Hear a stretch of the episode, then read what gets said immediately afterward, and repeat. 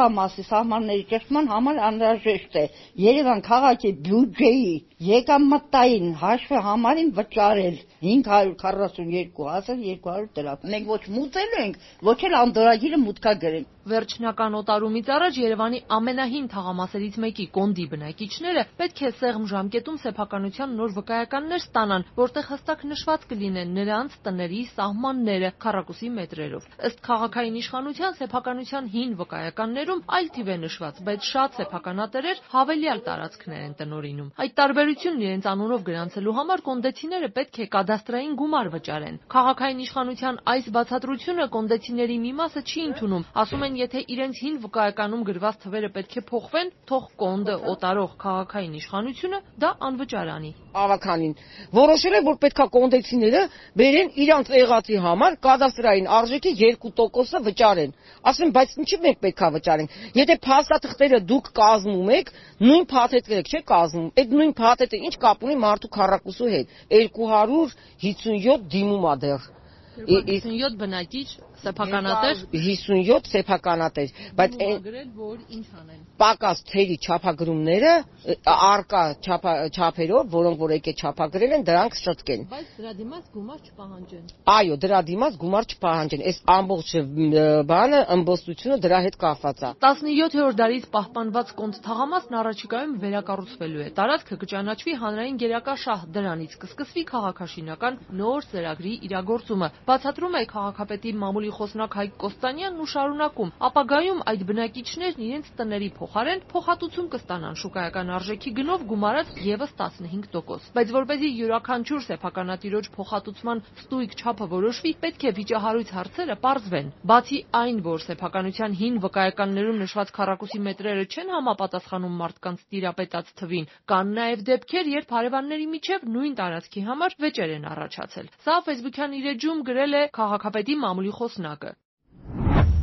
Իսկ եթե մարդիկ հրաժարվեն վճարել այդ գումարը, քաղաքային իշխանության հաջորդ քայլը որը կլինի։ Հարցրինք քաղաքապետարանի ճարտարապետության եւ քաղաքաշինության վարչության պետ Հայկ Մուրադյանին, ասաց, հետո ավելի քիչ փոխհատուցում կստանան։ Իրասամանները չեն ճշտվում, նոր վկայական չի ստանում եւ այն վկայական ինչ ինքը հիմա ունի, ինքը դառնում է դասապակմատը վերջ։ Դա խնդիրները բոլորի համար եւ իշխանության համար Երևանի եւ Արցախը եւ քաղաքացու։ Ինչ խնդիր է լինել։ Քաղաքացին եթե վաղը ընդհանրենք պայմանական եմ ասում, լինի օտարման գործընթաց, պատկասի, որ ինքը ունի մի հատ գույք, ու այդ գույքը ինքը չունի ընդհանրենք։ Այսինքն ավելի քիչ է փոխհատուցում։ Միանշանակ Այդ գումարները վճարելու համար կոնդեցիները առավելագույնը 3 ամիս ժամանակ ունեն։ Կոնդեցիների վերած թղթերի հիման վրա ենք փորձում իրենց իրավունքն այդ հողամասի նկատմամբ վերահաստատել կամ գրանցել վատ բան են անում։ Նրանք նույն տրամաբանությամբ կարող են հրաժարվել վճարել նաև ավտոբուսի աղբահանության ու այլ ծառայությունների դիմաց։ Հակադարձում է քաղաքաշինության վարչության պետը։ Իսկ ինչպես են հաշվարկվել, թե որ բնակիչը որքան պետք է վճարի։ Քաղաքային իշխանությունը հիմքում դրել է տարածքի կադաստրային արժեքը, այսինքն 139-ից 200 14000 դրամ 1 քառակուսի մետրի դիմաց, գումարած 2%։ Առանց այդ էլ ապրում ենք խոնավ ու կիսափուլ տներում, որտեղից վճարենք այդ գումարները, շարունակում են դժգոհել կոնդեցիները։ Գրածա որ 156 քառակուսու համար պետք է վճարեք 428000։ Բայց այդ 156 քառակուսին ունեմ ես որ վճարեմ, չկա, դա իմը չի։ Քաղաքապետարանը թուղթ ուղարկել է 3 չարաչորը, որ մեր քառակուսին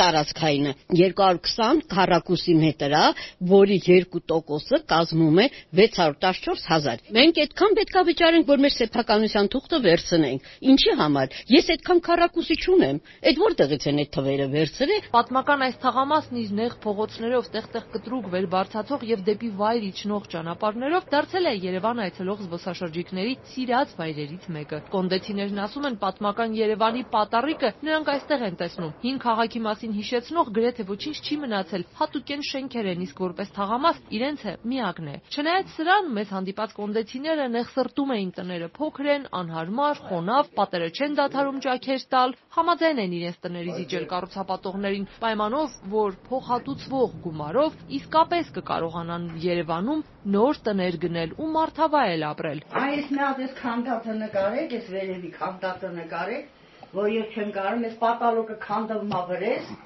ամեն անգամ ես մտածում հեսա կնսի։ Դուք համաձայն եք դուրս գալ։ Եթե նորմալ գումար տան, այն ժամանակ նոր դուրս կգանք։ Թող 250 հազար դոլարը հենց հիմա տան, ես վաղը դուրս եմ գալի։ Հենց Բա հոկանոց ընտանիքով 6 հոկանոց։ 6 հոկանոց, հա, հələ մեն մեկը չի ծնվել, նոր պետք է ծնվի։ Շուկայական գնով։ Մեր մոտ արդեն շուկայական գինը կա, հենց այդ շենքում վաճառում են 2000 200-ից մինչև 2800 դոլարի սահմաններում։ Այդ ժամանակ մեր բնակիչները կլքեն տները։ Հայաստանի բոլոր իշխանությունների օրոք քննարկվել է կոնդի վերակառուցման հարցը։ Ներկայացվել են տարբեր նախագծեր ու ինչ որ փուլից դրանք կիսատ են մնացել տարբեր պատճառներով։ Այս տարիներին բնակիչների խոսքով կոնդը բաժանվել է 7 լոտերի։ Դրանցից մեկով վերջերս վաճառվեց թաղամասի հետևում գտնվող Հայփոստի շենքը։ Գնորդը Ռենշին ընկերությունն էր, որը մտադիր է այդտեղ առևտրի կենտրոն կառուցել։ Նախորդ տարեվերջին քաղաքապետարանը հայտարարեց, որ կոնդի վերակառուցման ծրագիրը գործնական փուլ է մտել։ 7 նախագիծ է հաղթել միջազգային բաց մրցույթում,